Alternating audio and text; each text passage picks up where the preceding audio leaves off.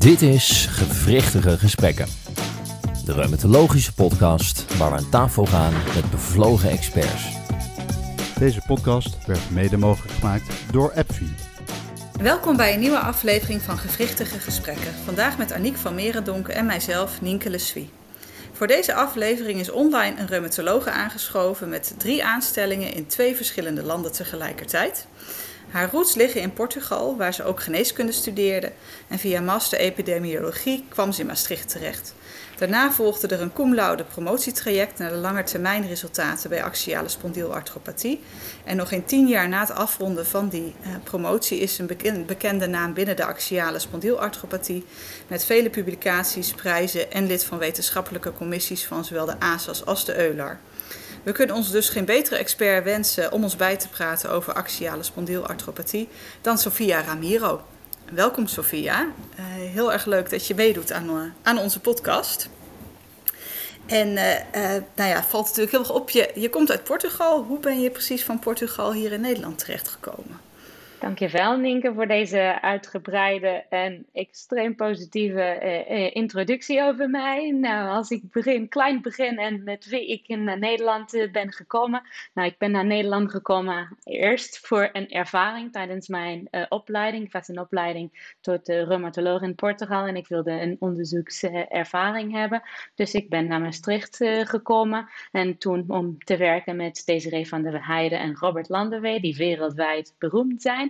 En zij hebben, oh, ik was ook van plan om een master epidemiologie uh, te doen, wat zij mij hebben uh, aangeraden. En dus ik heb in Maastricht de combinatie gevonden tussen de master kunnen doen en uh, onderzoek in de praktijk met hun kunnen doen. Ik vond het zo leuk dat ik mijn terugkomst heb uitgesteld. Eerste keer heb ik een promotietraject van gemaakt. Tweede keer moest ik een definitiever besluit nemen. En dan heb ik besloten de taal te leren en hier mijn opleiding tot reumatoloog uh, te doen. En de, vandaag werk, werk, ik hier als reumatoloog en ook als onderzoeker. Dus je bent ook echt dan specifiek voor DCG van der Heijden en Robert Landewee dan naar Nederland gekomen? Ja, dat klopt. Zo beroemd zijn ze. Zo beroemd zijn ze. En, en waar begon dan jouw interesse voor axiale spa? Want dat was dan denk ik de link om hun te vragen, toch? Nee, dat, dat was andersom. Mijn uh, interesse was om naar Nederland te komen, onderzoek te doen en ervaring en, en te, op te bouwen en, en te leren. Ik moet zeggen dat ik uh, onderzoek in RA wilde doen. En het was voor mij een diepe teleurstelling toen AXPA op mijn bord is gevallen. Maar dat was toen zo ervaren, daar ben ik eerlijk in. En tegenwoordig ben ik extreem blij dat dat per toeval is gebeurd. En dat ik uh, niet alleen interesse in AXPA heb ontwikkeld, maar tegenwoordig denk ik, er is veel uh, om te, te onderzoeken in beide ziektebeelden. Maar ik denk dat wij nog meer over RA weten dan AXPA. En ik ben heel blij dat uh, ik uh, juist uh, aan AXPA aandacht kan geven. Oké, okay, maar dat is echt puur toeval geweest dat, dat je is... daarin terecht bent gekomen. In het begin wel, maar later is het geen toeval meer, laat maar zo zeggen. Ik, ik werk inmiddels 13 jaar lang in AXPA, dus dat is geen toeval meer. Nee, nee. En, en als je nou terugkijkt, wat is nou het grootste verschil tussen Portugal en Nederland voor jou? Ook misschien qua zorg? Um, nou, in Nederland is alles meer gestructureerd. Uh, alles uh, werkt qua, qua zorg. In een ziekenhuis uh, is alles meer gestructureerd, werkt beter. Als arts is van mij verwacht dat ik werk in takken die alleen een arts in principe kan doen. Er is, zijn, is een hele team van personeel die helpt. En, en dat maakt het makkelijker om te doen wat ik denk waar ik beter in ben en waar ik de patiënt het meest kan helpen, terwijl anderen en andere dingen kunnen werken. Ik moet zeggen dat in, in, in Portugal werken als arts was voor mij ook heel plezierig. Dus daar heb ik ook hele goede herinneringen van en dat deed ik ook met veel plezier. En onderzoek was daar minder mogelijk toen, toen ik ben vertrokken om daar te werken. In de tussentijd wordt daar gelukkig ook meer onderzoek gedaan. Maar hier in Nederland is er, vooral binnen de rheumatologie, is een grote traditie in, in, in onderzoek. Mm. En daar uh, vond ik hier meer mogelijkheden om, om dat te doen. Ja, ja. En, en wat mis je nou vanuit Portugal? Uh, het weer. uh, het licht, meer dan de, de, de temperatuur, maar de zon, het licht. Ja, in Lissabon heb je zon bijna elke dag. Al ik hier tegenwoordig niet mag klagen. Het weer is hier veel beter geworden dan 13 jaar geleden toen ik naar Nederland ben gekomen. Zoals zit zo blij ben ik extreem gelukkig en heb ik een beetje van de zon van Portugal naar, naar Nederland kunnen meenemen. Dan ben ik al heel blij mee. En een beetje het eten mis, ik ook van Portugal, maar ik ben heel gewend en ik ben heel gelukkig hier. Zo zie je er ook uit. Ja, dat kunnen de luisteraars niet zien, maar je, je vertelt het allemaal heel vrolijk, inderdaad. Was het eh, eigenlijk een verrassing voor je dat het onderzoek eh, je, zo, je zo lag? Had je al voorzien dat je zo'n eh, carrière in, in de wetenschap zou krijgen of willen? Hele goede vraag. Het was een grote verrassing voor mij. Als je mij uh, ja, 20 jaar geleden had gevraagd, zou ik geen carrière in onderzoek überhaupt willen. Ik was nieuwsgierig, ik vond het interessant, ik wilde meer weten. Maar ik associeerde altijd onderzoek meer aan bazaal onderzoek, wat ik niet leuk vond, wat ik niet leuk vind, maar ik nog niet vind. Maar ik wist niet zo goed dat er een, een, zo'n groot gebied was in klinisch onderzoek. En daar ligt zeker mijn passie in, wat ik uh, graag doe. En dat heb ik ontdekt, inderdaad. Ja, nou ja, zo zie je maar waar, waar dan zoiets toe kan leiden. Um, hey, en je werkt nu zowel in Leiden, in het LUMC en in het Zuiderland. En dan heb je ook nog een aanstelling, eh, zag ik, als visiting professor in Lissabon. Hoe, hoe doe je dat allemaal? Nou, het is een, niet zo gebruikelijke combinatie en het is op een niet zo gebruikelijke manier misschien ontstaan. Het was niet per se gepland, maar ik ben voor privéredenen naar het zuiden verhuisd. Mijn man had een baan hier over de grens en het was goed uh, om zo te combineren. Dus deze leek me een goede oplossing om te combineren wat, wat ik wilde doen. Onderzoek in, met mijn groep in het LUMC en kliniek in het uh, Zuiderland. Uh, en ik moet zeggen dat een bijkomend voordeel, wat ik niet van tevoren had bedacht, is dat er een hele duidelijke scheiding is tussen mijn klinische en mijn niet-klinische dagen. Dus dat betekent dat als ik kliniek ben aan het doen, dan is kliniek, dan ben ik niet beschikbaar voor onderzoekstaken. Maar als ik ook onderzoek ben aan het doen, dan ben ik ook niet onderbroken door klinische taken. Wat voor mij uh, geruststellend is en geeft mij rust om goed te onderscheiden. Dat, dat wist ik niet van, van tevoren. En ja, hoe, hoe is deze combinatie? Is deze combinatie is heel makkelijk, vooral sinds het begin van de pandemie, waarop wij hebben geleerd op afstand te werken. Wij werken heel veel op afstand, niet alleen tussen Leiden en hier het zuiden, maar ook omdat wij sommige promovendi en fellows uh, die met ons werken, zijn in het buitenland. En uh, tegenwoordig digitaal kunnen wij met mensen op verschillende plekken werken zo werk ik ook met collega's uh, die in Portugal zitten. En zo komt ook ten stand mijn uh, verbinding met de universiteit in Lissabon. Dus heel veel wordt gelukkig digitaal mogelijk gemaakt. Oké, okay, dus het is niet zo dat je elke week, of nou niet elke week, maar elke maand bijvoorbeeld uh, dan naar Lissabon moet voor dat nee. visiting professor. Oké. Okay. Nee. Het leek me, leek me al intens anders. Hey, nee, het is geen straf om naar Lissabon te gaan, maar nee, dat snap dan ik. alles te combineren, dan is het soms moeilijk en dan is het makkelijker als wij veel online kunnen doen, inderdaad. Ja, ja. Hey, en waar in je werk haal je nou het meeste plezier uit? Uh, zeker uit de combinatie tussen onderzoek en de kliniek. Ik ben ervan overtuigd dat onderzoek doen mij een betere dokter maakt en andersom hetzelfde. Uh, maar als ik echt denk waar ik het meeste plezier haal als onderzoeksoverleggen waar over een idee wordt gebrainstormd en ik merk dat wij gezamenlijk verder komen dan wat ik individueel zou kunnen doen. En dat geeft mij uh, uh, energie, net zoals precies de samenwerkingen.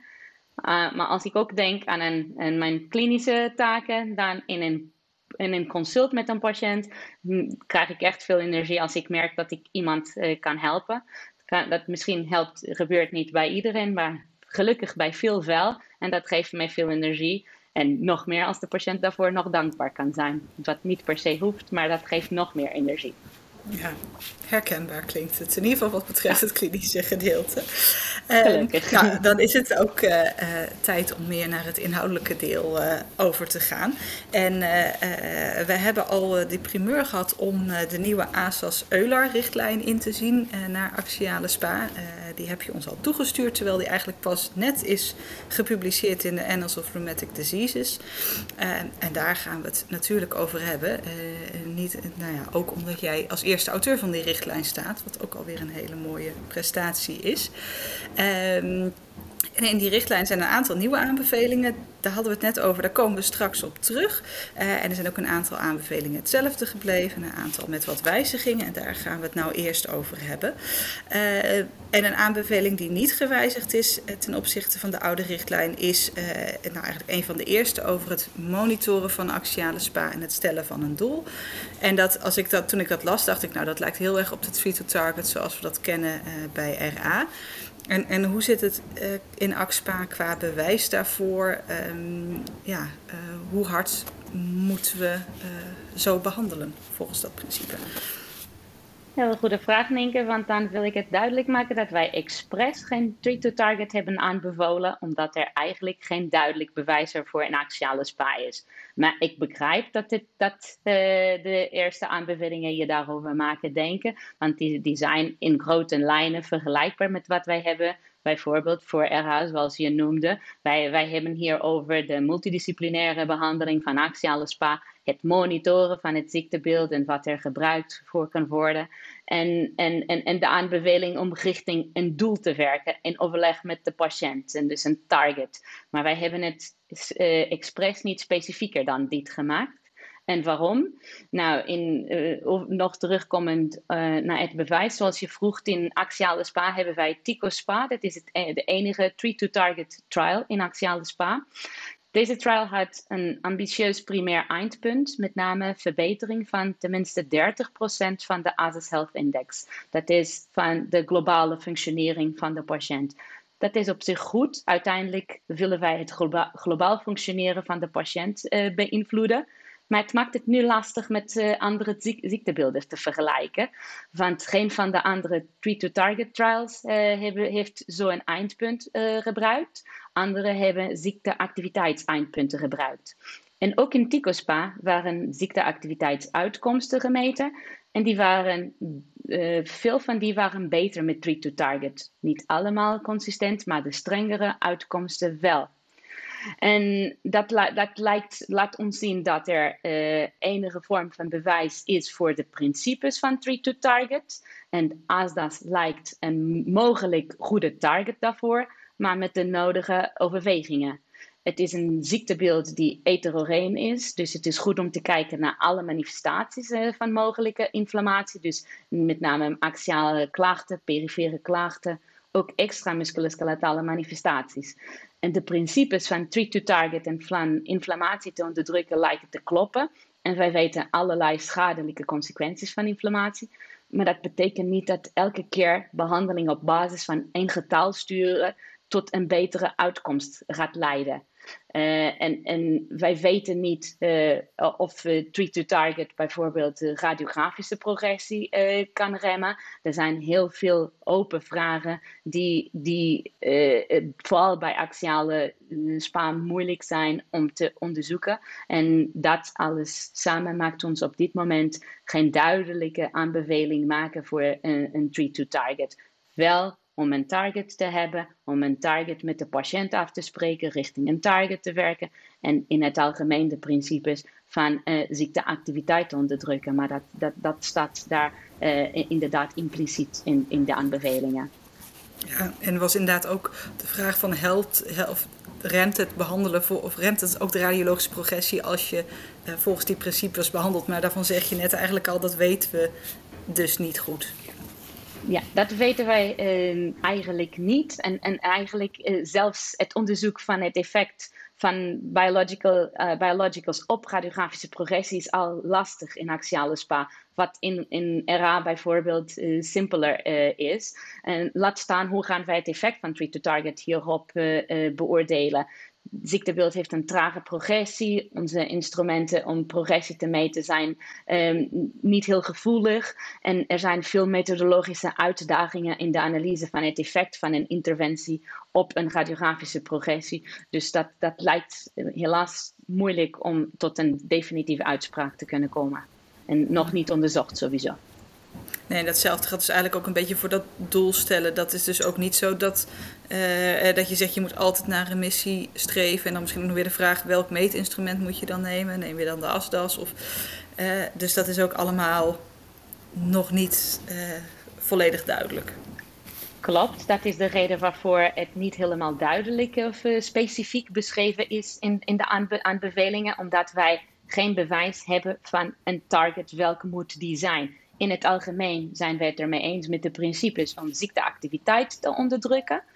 Als wij kijken naar een instrument om ziekteactiviteit te meten, weten wij dat de ASDAS tot dusver degene is die, met de beste performance van allemaal. En dat is ook, als wij nu naar specifiek naar de richtlijn kijken, dat is ook de reden waarvoor voor het eerst de ASAS wordt gebruikt om de selectie te maken van patiënten die behandeld worden met biologicals of met targeted synthetic DMARDs. En ook dan later om de respons te, te beoordelen. Dus zeker als er, als er gaat om een, instrument te kiezen om de ziekteactiviteit te monitoren, eh, denk ik dat we in de laatste eh, tien jaar hebben wij genoeg bewijs verzameld dat de ASDAS beter is dan, dan andere mogelijkheden. Maar daar om te zeggen dat de ASDAS de target moet zijn en welke specifieke en lage ziekteactiviteit of in, remissie, dat is uh, op dit moment moeilijk te zeggen. Waarschijnlijk uh, geldt het een beetje zoals voor andere ziektes geldt. Wij willen zo lage mogelijke ziekteactiviteit hebben. Dus theoretisch remissie. Maar als het niet mogelijk is, een lage ziekteactiviteit is ook een, een, een goed doel. En dat is ook wat ik gebruik in mijn dagelijkse praktijk.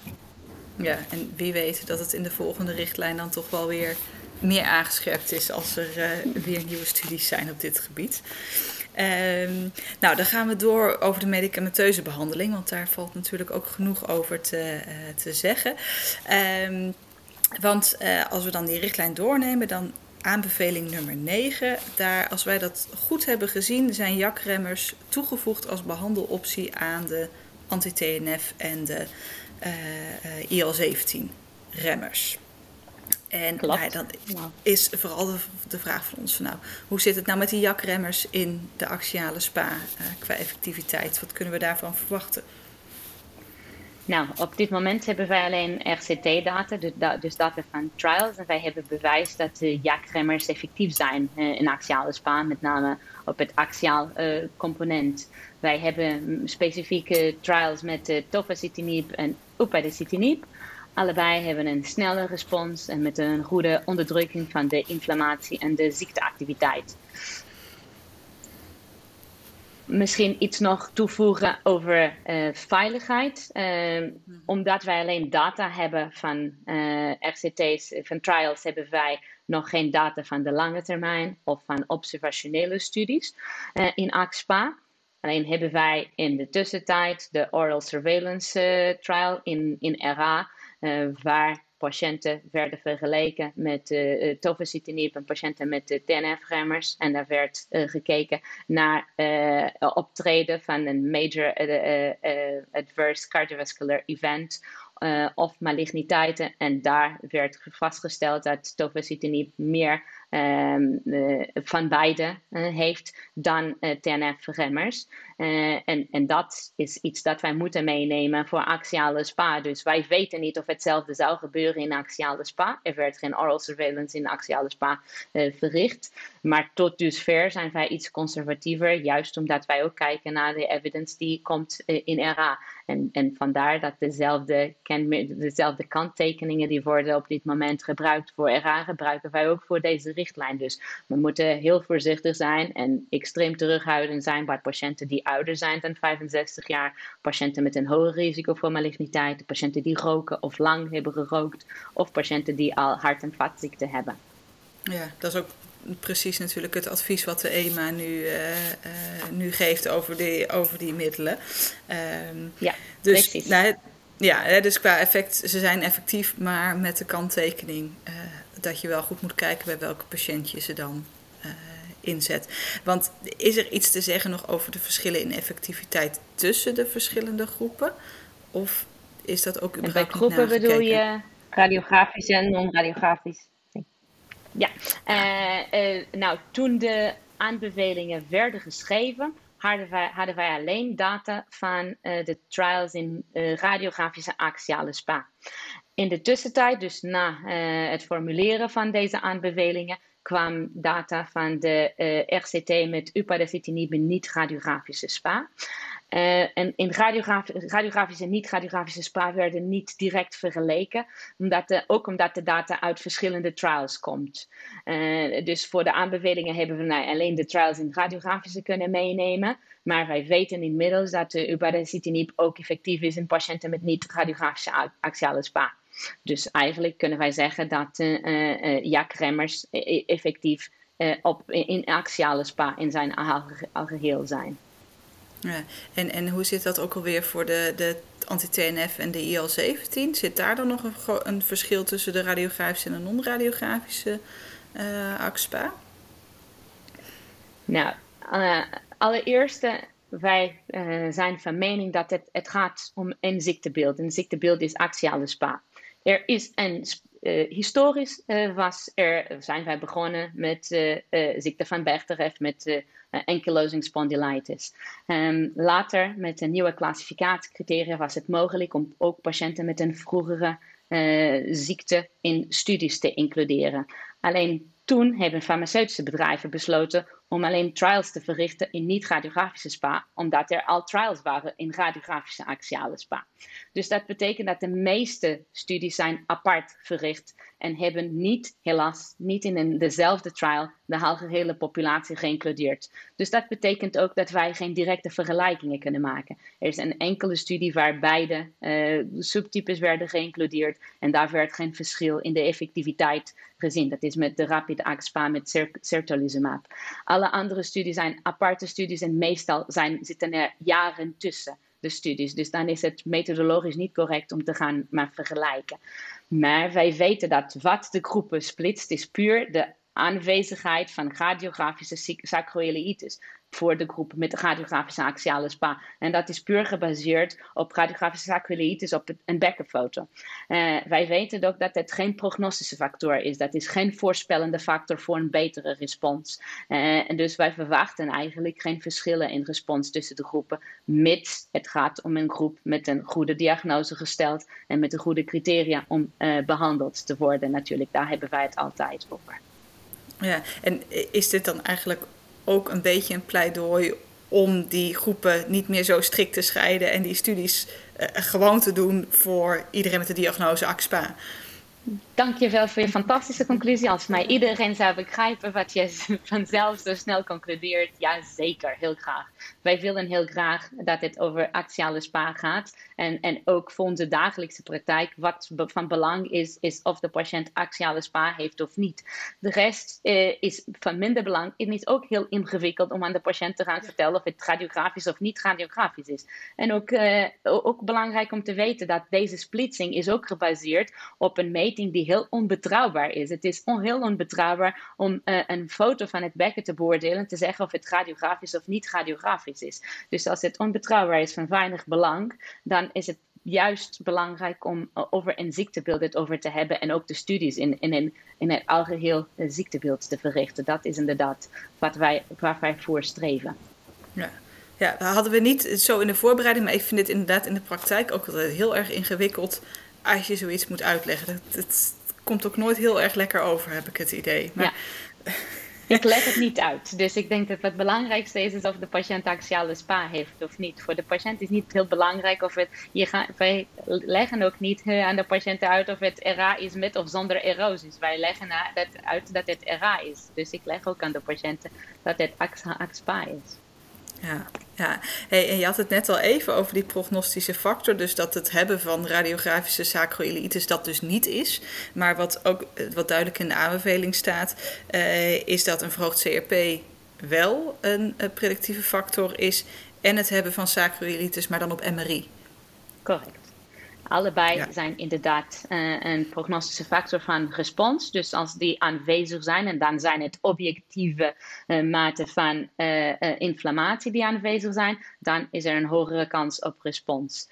Dat werd tot leven gebracht, vooral in de trials van niet-radiografische axiale SPA. Want dat, daar werd het heel duidelijk, er is een respons in de groep met objectieve tekenen van inflammatie. En er is geen duidelijk respons in de groep zonder tekenen van inflammatie. Maar als wij terugkijken naar de studies van radiografische axiale SPA, dan zien wij hetzelfde. De respons is hoger in de patiënten die of CRP-positief zijn of MRI-positief zijn. Dus deze zijn zeker punten om mee te nemen naar onze dagelijkse praktijk. En ondanks dat de criteria zijn dat er positieve CRP is of MRI aanwezig zijn eh, of moeten zijn voor de behandeling van patiënten met niet-radiografische SPA. Bij een patiënt met radiografische SPA is het ook van belang om het mee te nemen en, en, en specifiek na te kijken. Zeker CRP ligt heel makkelijk voor de hand.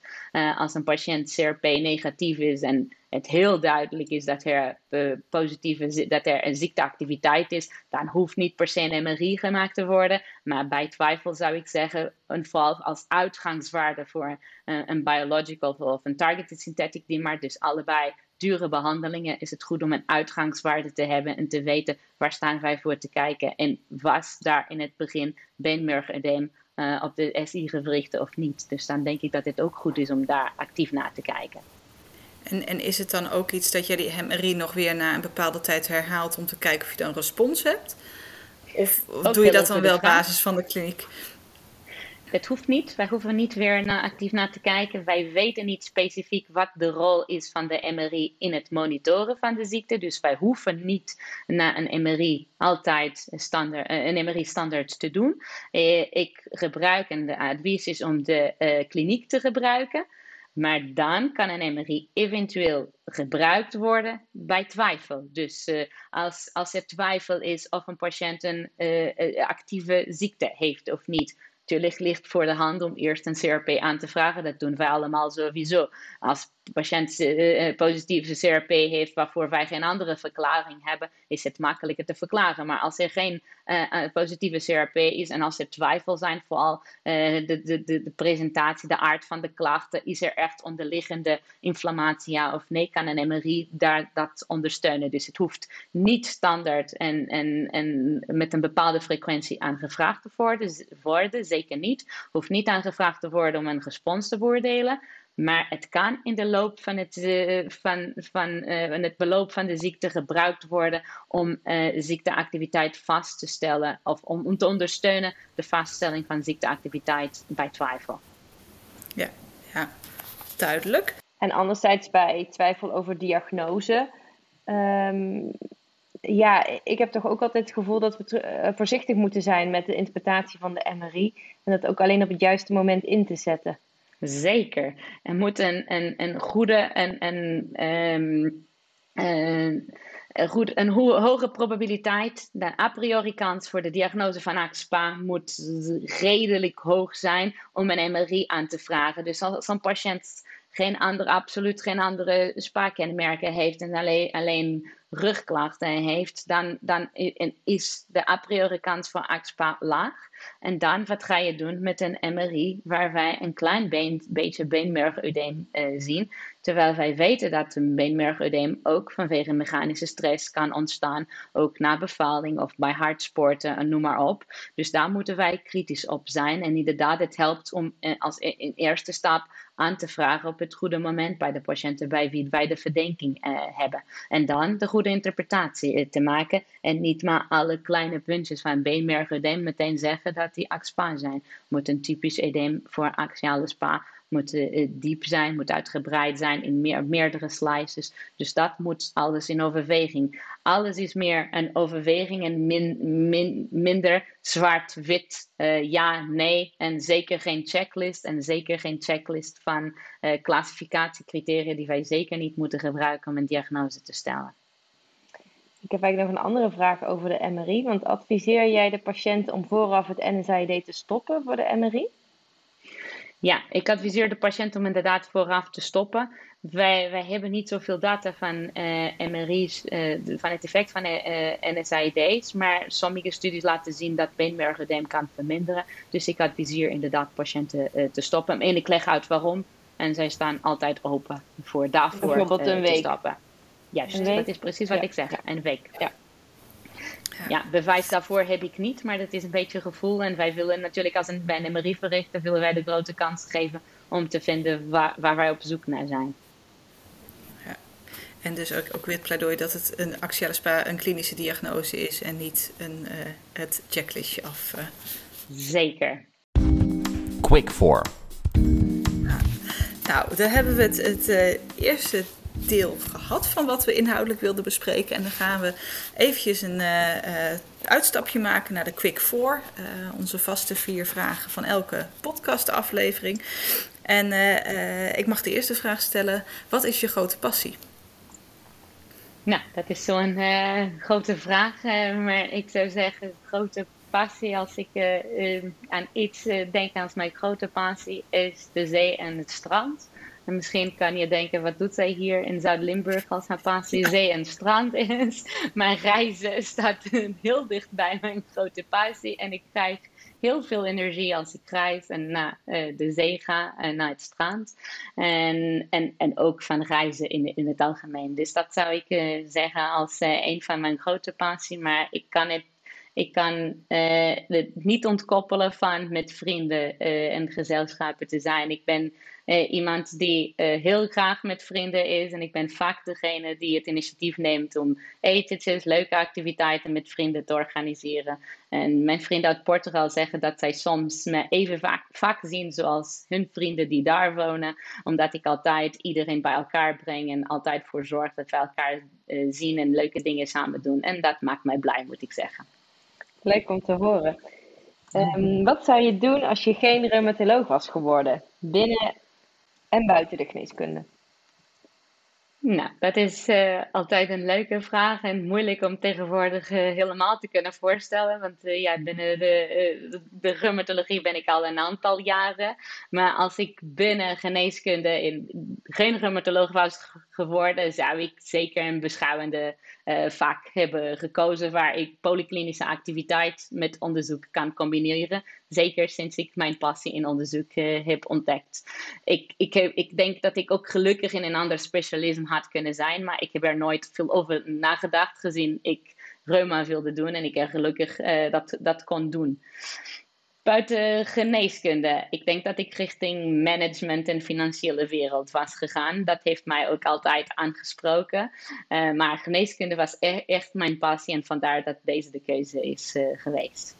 En een uh, goede keuze volgens mij zo te horen tot nu toe. Nou, denk ik ook. Als je je terugdenkt aan de eerste dag van de opleiding, wat voor advies zou je jezelf dan geven? De opleiding tot reumatoloog hebben we het dan over. Ja, ja.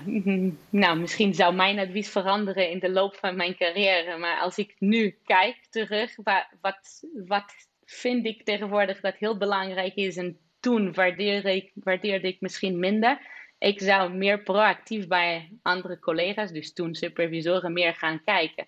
Want uh, toen ik in opleiding was, had ik heel snel de neiging, ik wil het zelf, zelf gaan doen. Ik wil niet naast iemand passief zitten en veel zelf mijn eigen patiënten hebben. Tegenwoordig zou ik graag, maar het wordt steeds moeilijker om de tijd daarvoor te vinden, maar ik zou ik graag weten hoe, pakt een collega dit probleem op? Of hoe communiceert een collega dit met de patiënten? Hoe onderzoekt een collega dit? Dus ik denk dat het belangrijk is om naar samen kijken bij een collega of supervisor of wat dat dan is, dat het beter gezien kan worden als een toegevoegde waarde en, en een manier om te leren van een andere persoon hoe die werkt, dan simpel als een passieve begeleiding van een van een supervisor. Dat zou mijn tip zijn. Dat had ik ook graag willen doen, maar ben net te oud daarvoor geworden.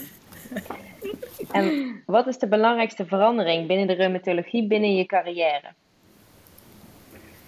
Nou, misschien ben ik gelukkig dat ik kan zeggen dat ik nog niet zo oud ben, dat ik nog niet zoveel veranderingen heb gezien. Ik kan niet zeggen dat ik, ja, ik heb helaas niet de, de grote dingen zoals uh, uh, begin van de biologicals in, in, in rheumatologie, dat heb ik niet meegemaakt. Dus dat kan ik niet zeggen. Maar aan de andere kant, als ik kleiner dan dat denk, maar binnen SPA denk. Ja, eerst hadden wij alleen uh, eh, NSAID's en TNF-gemmers. Dus het was echt uh, switchen tussen TNF-gemmers uh, tot eeuwigheid dat is heel anders geworden sinds wij andere uh, werkingsmechanismen en andere klassen hebben. Tegenwoordig hebben wij aan echt twee andere, twee IL-17-remmers, twee JAK-remmers. Dus dat, dat is heel anders uh, geworden. Gelukkig. Ja, en laten we daar nu ook uh, verder over praten in deel 2 van deze podcast. Want er zijn een aantal aanbevelingen in, in, de, nieuwe, in de nieuwe richtlijn, of, of recommendations moet ik zeggen, um, die vernieuwd zijn of die helemaal nieuw zijn. En allereerst zou ik het willen hebben over. Um, er is ook een recommendation over de therapie bij extra uh, musculoskeletale uh, manifestaties. Wat zou je ons daarover kunnen vertellen? Ja, zeker. Ik denk dat uh, in, in, dat, dat is een nieuwe aanbeveling en belangrijk, denk ik. Want juist omdat wij in AXPA uh, geen head-to-head trials wordt het moeilijk om uh, een onderscheid te maken en effectiviteit van de verschillende middelen. Dus wij moeten alles baseren op indirecte vergelijkingen. En als, maar als wij kijken naar effectiviteit of axiale componenten, zien wij eigenlijk geen duidelijk verschil tussen de middelen. Maar wij willen niet zomaar aanbevelen dat alle middelen gebruikt kunnen worden, want dat is net zo goed als geen aanbevelingen te schrijven. Dus dan willen wij kijken waar kunnen wij uh, de rheumatoloog in de dagelijkse praktijk helpen. En dan merken wij dat de extra musculoskeletale manifestaties, ondanks dat zij niet aanwezig zijn in alle patiënten, maar als zij aanwezig zijn, kunnen zij een verschil maken en kunnen zij de behandelkeuze sturen. Waarom? Omdat daar een duidelijk verschil in de effectiviteit van verschillende middelen wordt uh, gezien, in tegenstelling tot bijvoorbeeld de, axiale manifestaties. En wij weten dat bij patiënten die een recidiverende uveitis hebben, of patiënten, eh, en ook patiënten die een actieve IBD eh, hebben, in beide groepen van patiënten weten wij inmiddels dat de monoclonale antilichamen tegen de TNF beter werken dan de andere middelen. wij hebben ook hiervoor geen head-to-head trials om dit te laten zien, maar wij hebben de loop van de tijd mooie observationele studies met goed uh, uitgevoerde analyses en allemaal die het consistent uh, laten zien. Dus monoclonale antilichamen tegen TNF zijn beter, dus bijvoorbeeld dan uh, etanercept en ook zijn beter dan IL-17 remmers die ook hiervoor niet aanbevolen zijn. Dus bij uveitis, recidivere uveitis en actieve IBD voorkeur geven aan een monoclonaal antilichaam tegen TNF. Daar in tegenstelling bij psoriasis, een van de, eh, de andere extra musculoskeletale manifestatie, um, is er voorkeur voor een IL-17-remmer. Ook hier hebben wij geen head-to-head -head, uh, data van axiale SPA, maar hebben wij wel in PSA en waar wij zien dat uh, IL-17-remmers uh, beter zijn op uh, het component van de huid, dus op de psoriasis, dan TNF-remmers. Dus dat nemen wij hier ook mee en, en is dus de voorkeur bij een uitgebreide psoriasis voor een IL-17-remmer. dus als eerste keus na een NSAID? Ja, als, uh, afhankelijk op welk moment dat de keuze bestaat. Want dit, uh, dit geldt op elk moment van de keuze. Dus ongeacht vanaf de eerste of tweede of derde uh, biological of targeted synthetic DMARD is. Bij een patiënt met actieve IBD gaan wij geen IL-17 remmer als voorkeur geven. En dan geven wij de voorkeur voor een um, monoclonaal antilichaam tegen TNF. Dus dit geldt in alle momenten van, van de behandeling. Ja, helemaal helder. Hoe, hoe zit het uh, wanneer een patiënt faalt op een bepaalde therapie? Bijvoorbeeld men faalt op anti-TNF. Wat zou dan de, de tweede keuze moeten zijn? Nou, dat is een hele goede vraag. En hier, voordat ik verder inga naar de tweede keuze, zou ik uh, willen zeggen dat hier hebben wij als taskforce een nieuwe aanbeveling toegevoegd. En eigenlijk vind ik waarschijnlijk de belangrijkste aanbeveling, want het sluit helemaal aan de praktijk. En de aanbeveling is bij het vallen van een biological of een targeted synthetic DMARD. En daar is uh, uh, gevraagd om aandacht te geven of de diagnose klopt of er sprake is van comorbiditeiten. En waarom? Want het vallen van de behandeling kan uh, vastgesteld worden door uh, ziekteactiviteit, dus een score die hoog is. En dat kan betekenen dat er uh, geen goede respons is, of dat kan betekenen dat er comorbiditeiten zijn die ook de, de score kunnen beïnvloeden. Denk aan een patiënt met fibromyalgie, uitgebreide pijn, die natuurlijk een hogere score gaat hebben dan een andere patiënt. Of een patiënt met uh, uitgebreide artrose, die ook daardoor een hoge score, score kan hebben. Dus het is belangrijk om de, deze informatie mee te nemen. En vandaar dat wij dachten, het moment van vallen van een eerste uh, biological of targeted synthetic DMARD is een moment om goed over na te denken, even een pauze en denken, is deze de goede kandidaat voor een nieuwe biological of targeted synthetic DMARD. En, en wij kennen allemaal ook de patiënten die komen voor second opinion, die, die de zoveelste biological DMARD hebben gehad en waarop zij niet reageren. het is vaak de neiging om sneller naar de, het volgende middel te gaan. Maar als wij even stoppen, terug naar de basis kijken en denken waarom, eh, waar, op basis waar, waarvoor werd de diagnose, de diagnose van axiale spa gesteld. En soms eh, concluderen wij dat eh, een aantal van die patiënten niet echt axiale spa heeft. En als de patiënten geen axiale spa hebben, dan heeft het geen zin om naar, de volgende biological te gaan. Dus dat is uh, nu het advies.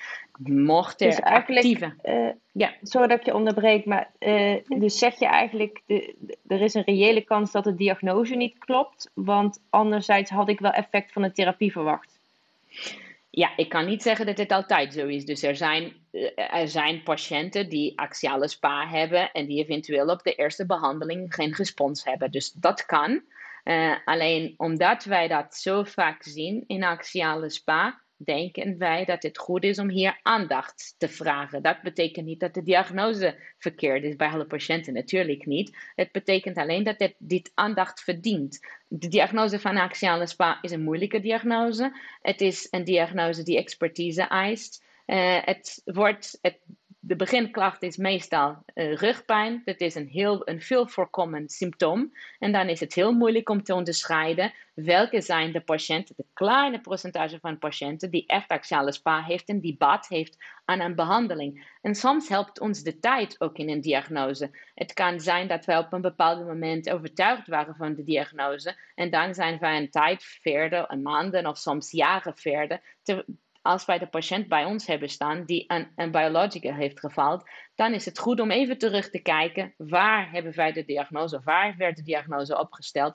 klopt dit helemaal. Ons, ons eh, kennis over het ziektebeeld verandert ook. Bijvoorbeeld de manier waarop wij tegenwoordig tegen een MRI kijken is heel anders dan tien jaar geleden. Of wij, toen wij allemaal dachten dat een positieve MRI bijna altijd axiale spa was. Tegenwoordig weten dat het niet zo is. Dus dat is goed om even weer aandacht hier aan te geven. Maar natuurlijk kan de conclusie zijn dat de patiënt axiale spa heeft en een actieve ziektebeeld heeft. En dan gaan we verder. Het is uh, geen... Um, idee om patiënten van de behandeling uh, te stoppen. Dus patiënten daarna, indien er actieve ziekte is, dan gaan wij de patiënt inderdaad switchen. Ja, nee, ik snap heel goed wat je zegt inderdaad. Om eerst terug te gaan van, uh, van klopt de diagnose, voordat je doorgaat met de volgende therapie. Als we dan uh, nog achter de diagnose staan, wat zou dan de vervolgstap kunnen zijn? Als wij achter de diagnose staan dan, en er sprake is van een actieve axiale spa, dan is, er, uh, is de aanbeveling om een switch uh, te verrichten. En hier hebben wij alle mogelijke klassen als, als, een mogelijkheid. Dit hebben wij expres zo in de, in de aanbevelingen geschreven. Eigenlijk omdat wij niet echt bewijs hebben van alle mogelijke combinaties. Maar wat wij zien is dat in patiënten, het meeste onderzoek werd verricht in patiënten die een TNF, op een TNF-remmer uh, geen genoeg respons hadden. En daar in die patiënten werd een uh, respons op PL17-remmers gezien en ook op JAK-remmers. Dus het is de verwachting dat allemaal uh, ge gebruikt kunnen worden in verschillende volgorde. Wij hebben ook uh, hier geen uh, trial data. Wij hebben uh, heb, is een, een, goede studie van een observationele studie van een squeeze cohort, waar patiënten die gevallen waren op TNF, die werden gezet op IL-17-remmer of op TNF-remmer en die werden vergeleken. En op één jaar, werd, over één jaar werd geen verschil in de ziekteactiviteit van die patiënten. Dus in gebrek van trials is deze de beste studie die wij hebben om dit te vergelijken. En hier op basis van deze studie hebben wij geen verschil tussen de, de, de middelen, tussen de, de classes. Dus vandaar dat de aanbeveling is bij het vallen van één middel kan uh, een van de andere klassen gebruikt worden. Dezelfde kanttekeningen die wij net hebben besproken houden. Dus uh, voor, voorzicht met veiligheid van jaakremmers. Uh, ook wat wij hebben besproken over extra musculoskeletale manifestaties. Dus ook hier wordt gekeken, heeft de patiënt een van de extra musculoskeletale manifestaties wat de behandelkeuze kan sturen.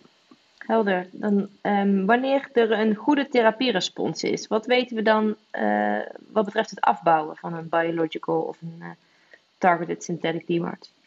Ja, dat is zeker de volgende fase. Inderdaad, uh, als wij een goede uh, therapie hebben en hoe willen wij op een bepaald moment in principe afbouwen, zeker als een goede respons is en als de patiënt behouden van de ziekteactiviteit heeft. Ook hier, wij hebben veel studies waar gekeken werd naar afbouwen van biologicals. evidence, bewijs hier is, is voor biologicals. Wij uh, zijn veel studies verricht met onmiddellijk stoppen van de biological en die laten meer flare zien. Dus dat zullen wij niet aanbevelen, hebben wij niet aanbevolen.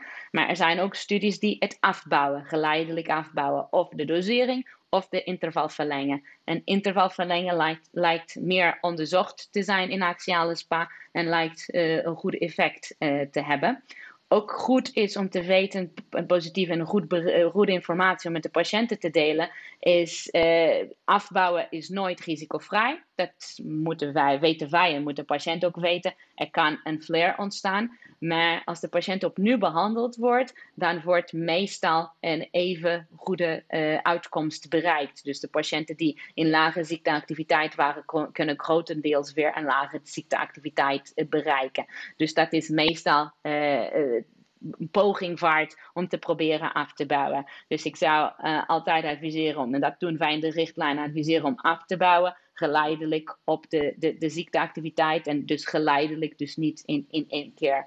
Bewijs is dus alleen voor biologicals. Er is geen bewijs voor jakremmers. Dus daar hebben wij expres geen uh, aanbeveling van gemaakt. Hopelijk komt in de volgende update van de richtlijn dat er in de tussen studies werden verricht. En voor IL-17-remmers bestaat alleen een studie waar um, ehm, uh, eh, IL-17-remmer werd onmiddellijk gestart, dus niet afgebouwd werd. Maar ook in deze studie zien wij dat als patiënten opnieuw behandeld worden, dat zij weer een goede uh, uitkomst kunnen bereiken. Dus dat is geruststellend, ook om dit in shared decision making altijd natuurlijk met de patiënt uh, te proberen. Dat is positief. En in de, in de praktijk, wanneer start je met afbouwen? Ja, dat is de goede vraag. En dat ging ik nog uh, toevoegen: dat uh, wij geen duidelijk bewijs hebben over wanneer wij dat kunnen doen. Hebben wij geen studies. Welk is het moment om te definiëren dat de patiënt genoeg is in, in remissie om, om, om dan te proberen te beginnen?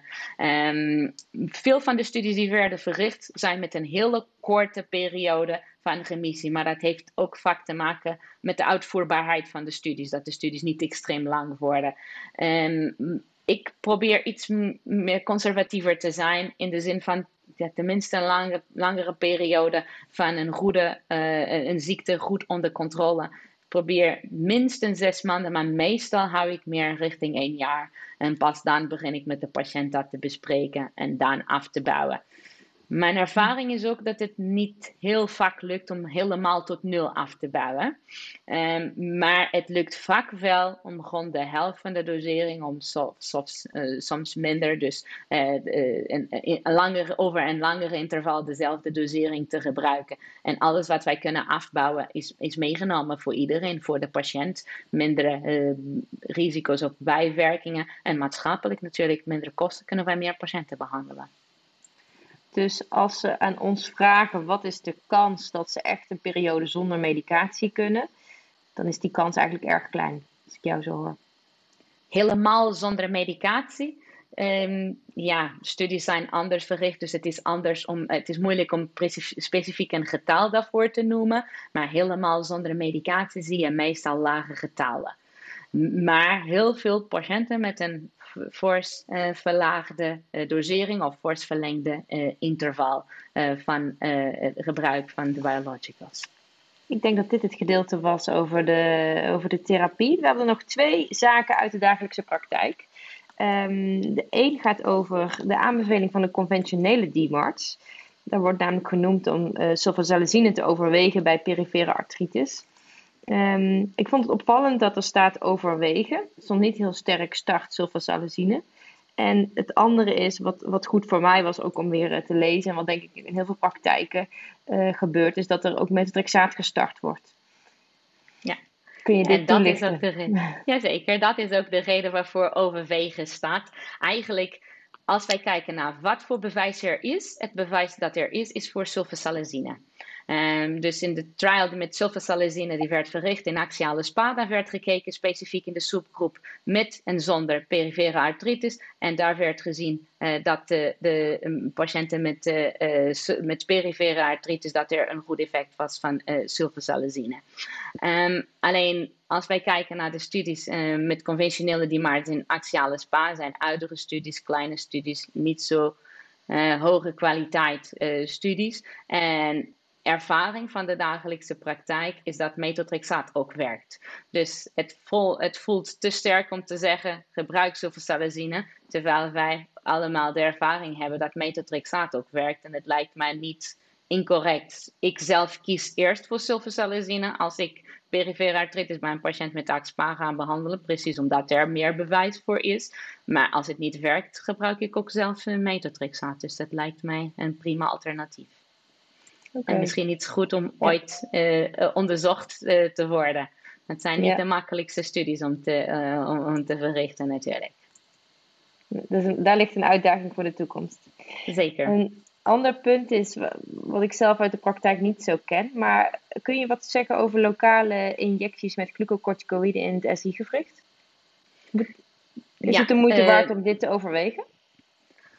Nou, de trials die er zijn, zijn uit, klein en met een heel klein effect op pijn.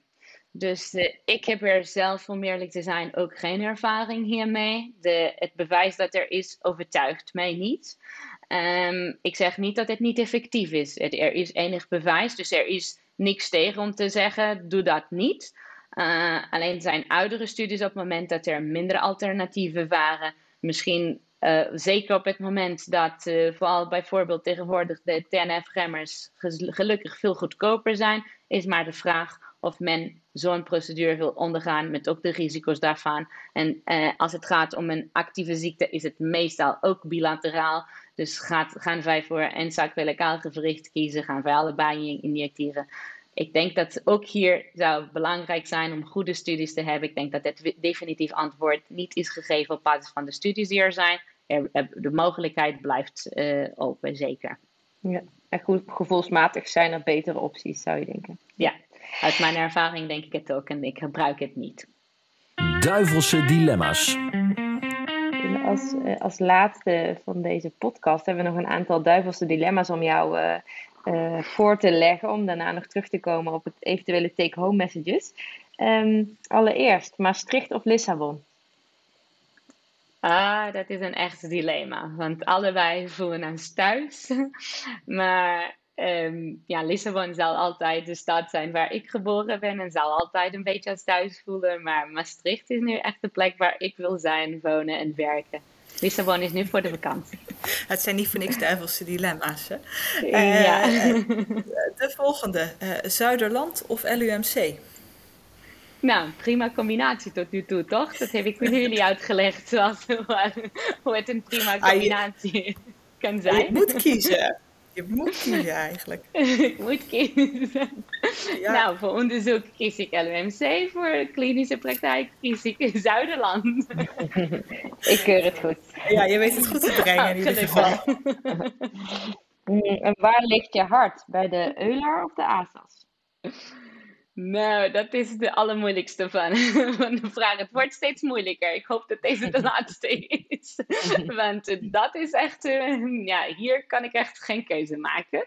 Maar ter mijn verdediging kan ik zeggen dat ik liever in combinatie, in samenwerking werk. En dat doen wij ook met deze richtlijn. Het is niet voor niks een ASAS-EULAR-richtlijn. Dus waarom zouden wij gaan kiezen voor de ASAS of de EULAR? Nogmaals, als wij, als wij met allebei kunnen zijn. Vind ik ook een goed argument. Uh, ja, en dan de laatste. Uh, nou hoop ik dat ik het goed uitspreek, want ik kan natuurlijk geen Portugees. Uh, pastis de nata of appelflappen? Nou, heel goed. Maar eindelijk kunnen wij tot een dilemma komen waarop ik misschien een keuze kan maken. Want tot nu toe was het makkelijk moeilijk met jullie uh, keuzes. Nou, naten vind ik, om eerlijk te zijn, nog steeds beter. Zeker als die vers zijn. Dat is echt uh, typisch van Portugal en, en, heel lekker, vind ik. Tot nu toe alle buitenlandse, buitenlanders die, en wie ik het heb gegeven, vonden het uh, heel lekker. Dus dat zou mijn keuze zijn. Al moet ik zeggen dat de Limburgse fly daar heel dichtbij komt. we hebben het dilemma gewoon verkeerd gemaakt. Dat is het, uh, dat is het geweest. Nou, dan zijn we alweer uh, aan het eind gekomen van deze podcast. En het rest mij nog ook te vragen. Um, ja, is er een bepaalde take-home message, of in ieder geval iets wat de luisteraars mee moeten nemen uh, voor de toekomst? Ja, zeker. Ik denk dat als ik een keuze zou moeten maken van wat ik het allerbelangrijkst vind, vind ik de boodschap om bij falen van behandeling even goed te kijken of de diagnose van axiale spa uh, komt, alles weer op een rij zetten uh, voordat wij verder gaan met een eventuele switch. En of er comorbiditeiten zijn die een minder goede respons kunnen verklaren, omdat zij de meting van respons kunnen beïnvloeden. Dat vind ik het uh, allerbelangrijkste. En dan een, heel andere, andere belangrijke boodschap van deze richtlijn is dat in gebrek van uh, en verschillende eh, effectiviteit van de verschillende middelen op de axiale manifestaties hebben wij de extra musculoskeletale manifestaties die ons kunnen helpen in, in, de, in de behandelkeuze. En vandaar dat er een nieuwe aanbeveling is met uh, hoe deze ons kunnen helpen in, in, in de keuzes. Dat zijn, dat zijn, deze zouden mijn keuzes zijn voor de take-home messages. Nou, geweldig. Ik ben heel wat meer te weten te gekomen. Ik wil jou om heel hartelijk danken voor jouw uh, bijdrage aan deze podcast. Hartelijk dank voor jullie. Het was heel leuk. Jullie doen het op een hele leuke manier. Dank jullie wel voor de uitnodiging. Dankjewel. En ook dankjewel aan alle luisteraars. Uh, en tot de volgende aflevering. Bedankt voor het luisteren naar gewrichtige gesprekken. Graag tot een volgende aflevering. Dit is een podcast van Orly Media.